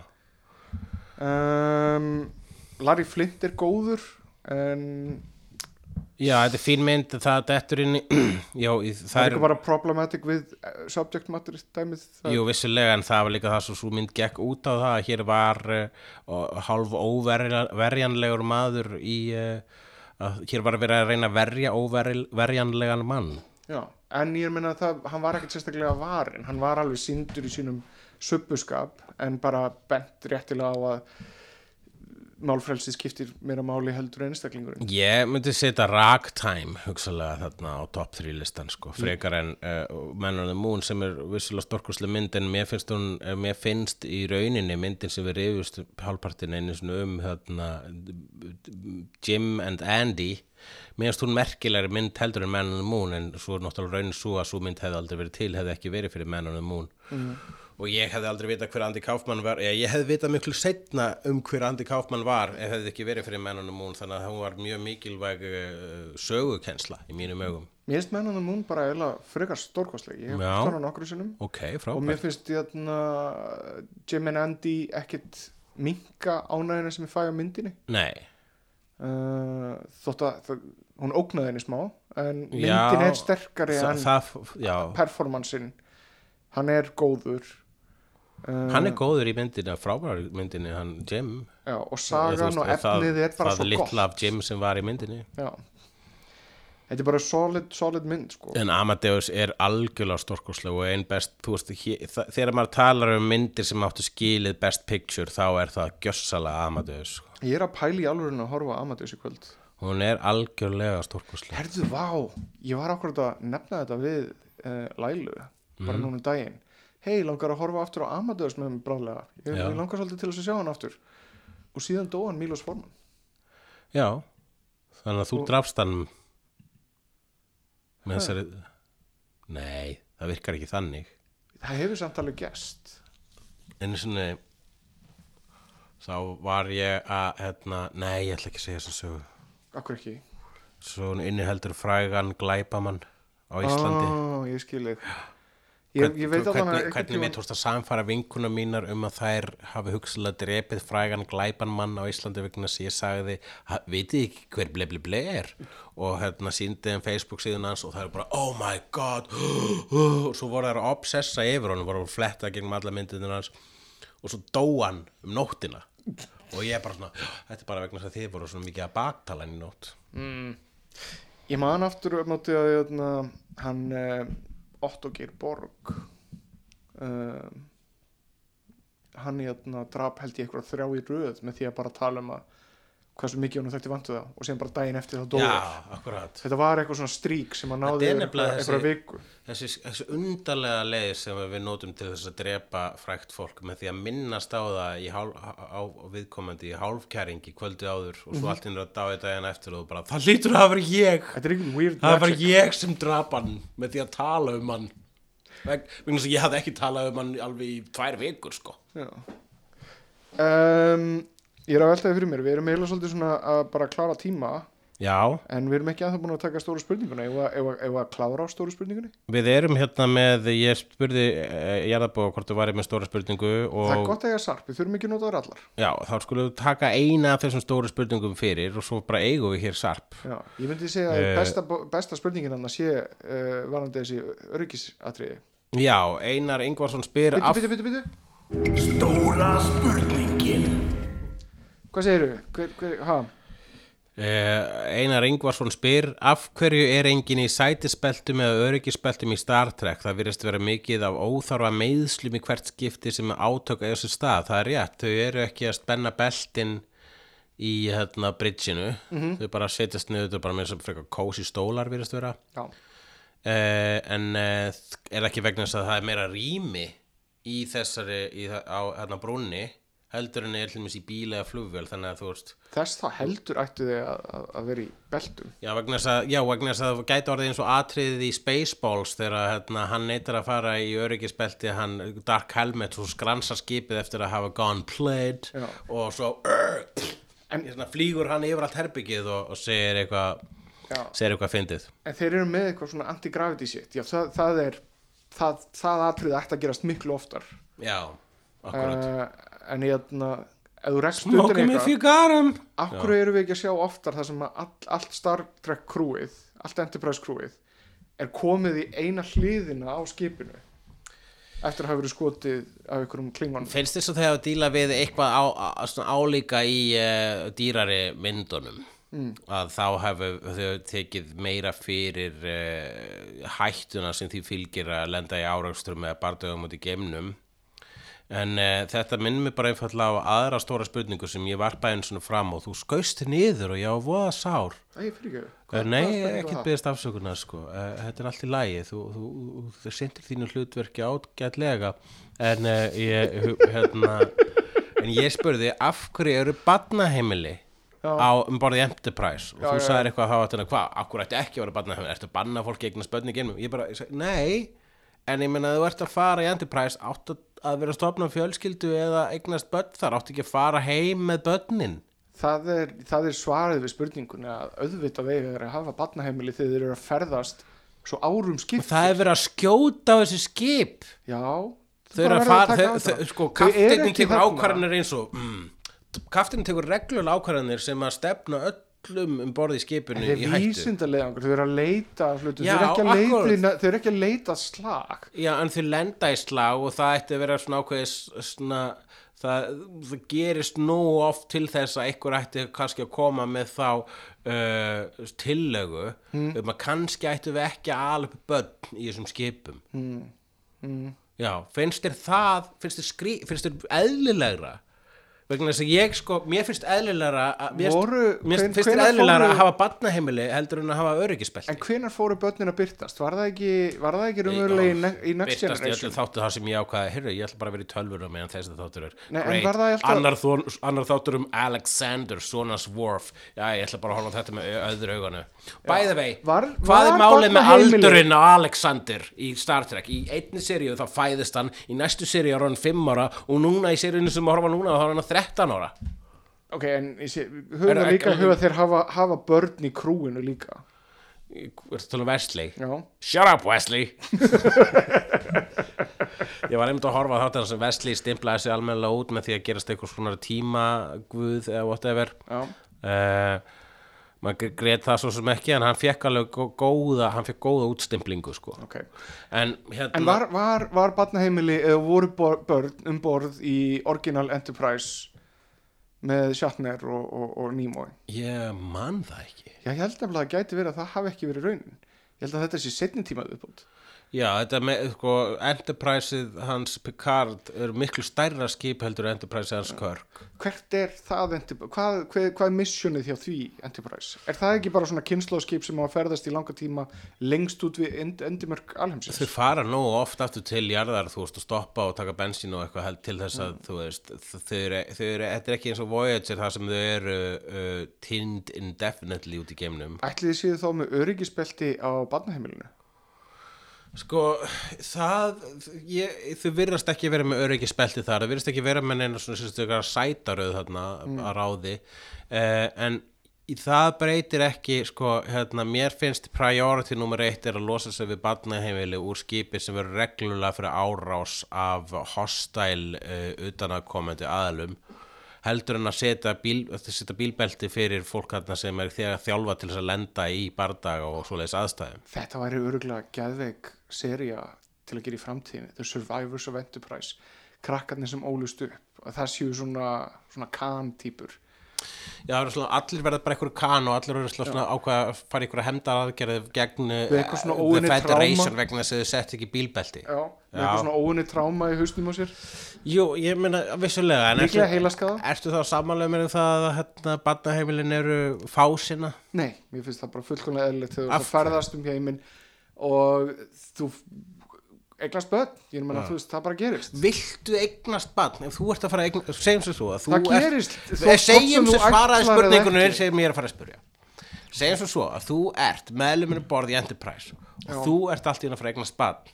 Og á síðustu árum hefur þú orð, hefur skipið sem þú ert í orðið fyrir barðinu hefur orðið fyrir kannski hmm, segjum 50 síðustu Mm. tveimur árum, hann svona 50 sinnum ráðist uh, óvinveittar gemur og ráðast á skipið og ollið mannfallið vegna að það gerist líka reglulega Mm. stundum þá skjótaði það stort gata skipið að bara fólkið í þeirri deild flýgur út og deyr samstundis Mhm. þannig að það er alltaf áhætta viltu alveg barnið þar eða jafnvel á jörðinni þar sem að þetta gerist ekki þar sem að það endurum og eins rapa gameskip á Ó já, er og- það raunin í Star Trek það sé alltaf að rapa gameskip á jörðina Já, Já, var, var, ekki, var það ekki? Into Darkness Já.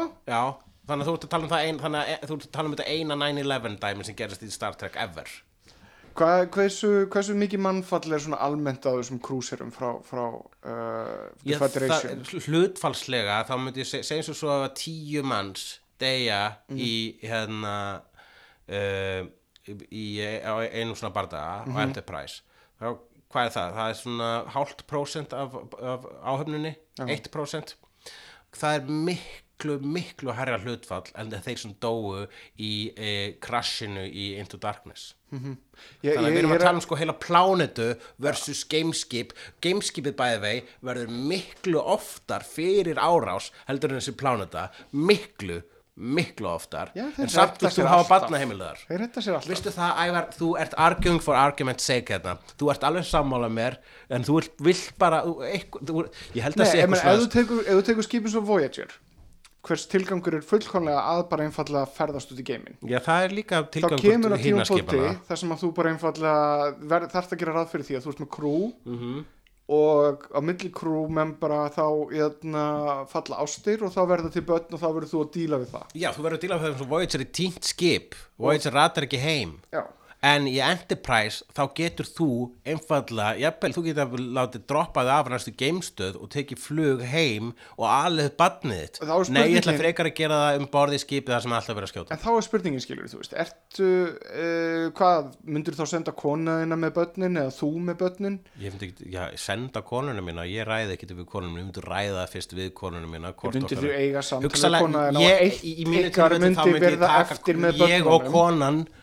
í, mínu lífi myndi fara saman með barnið vonandi og alað upp í sammenningu. En hvað ef ykkur langar til þess að bara einfallega taka sjensin? Já, Hvernig, hvernig á, hvernig á, hérna, þurfum eiga ok. stjórnendur Federation að handla það? segjum sér svo, hverjar eru lífslíkur barsins þíns á plánutinu jörð? Það myndi ég segja 90%. Svona bara slumpum á það, jafnvel hærri. Mhm. Lífslíkur barsins þíns á um borð uh, í uh, Enterprise. Mhm. Það eru lærri. Ok, lífslíkur, hvað er það að segja? Ég verður bara að segja, það er meiri líkur á að barnið degi, miklu meiri líkur. Er miklu mér líka, hversu mörg börn hafa dáið í gegnum tíðina? Það er ekki talað um það í, í Star Trek Enterprise. Já, þetta kannski eru- vegna þess að það hefur aldrei gerst. Nei, vegna þess að þetta eru þættir fyrir alla fjölskylduna við erum ekki að fara að tala um döið börn alltaf þegar það gerist Ég vil fá þess að tölur um þessu döðu börn, þessu, þessi alleged döðu börn, áður en ég fyrir að búa gera mér eitthvað skoðanum um það, Ok. hvort að ég vil eða vil ekki barnaheimilega þarna. Það eru all, allavega 80% meiri líkur á því að barnið degi um borði Enterprise heldur að degi um líkur borði á til, þú hjörðinu bara að búa þetta til þetta er, fyrst- veistu það, þetta er svo ógisla solid rök sem ég er með og þú ert bara eitthvað svona að hrista hausinni yfir þessu bara vegna þess að þú uh, ert einhvern veginn búin að stimpla þig inn á að barnaheimili sé mjög sniðugt um borð í skipi sem að vera reglulega fyrir árásum vegna þess að þið ósamála mér, það er eina sem er í Mm. en gangi eru þarna. allir þarna bara crew members? Eru ekki sumir sem eru bara um borð vegna þess að þeir eru á leiðinni eitthvað annað?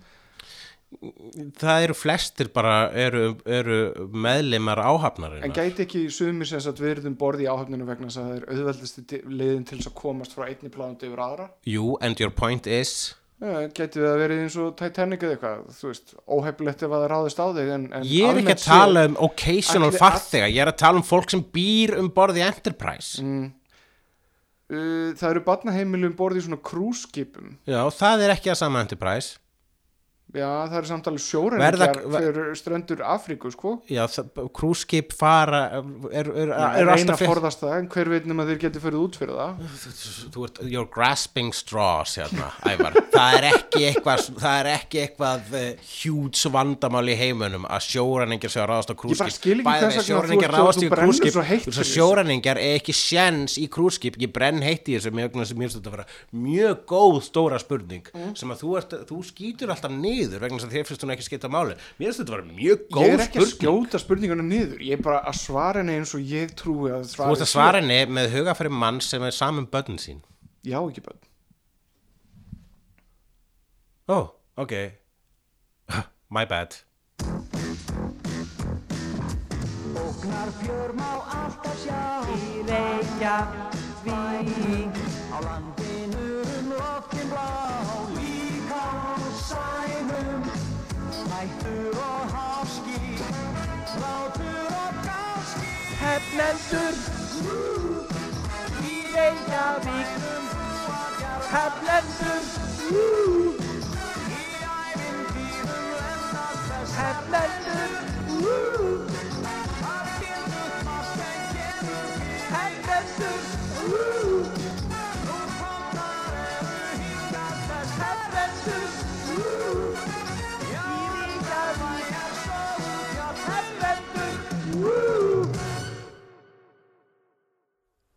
Takk fyrir að hlusta á hlaðvarp kjarnans.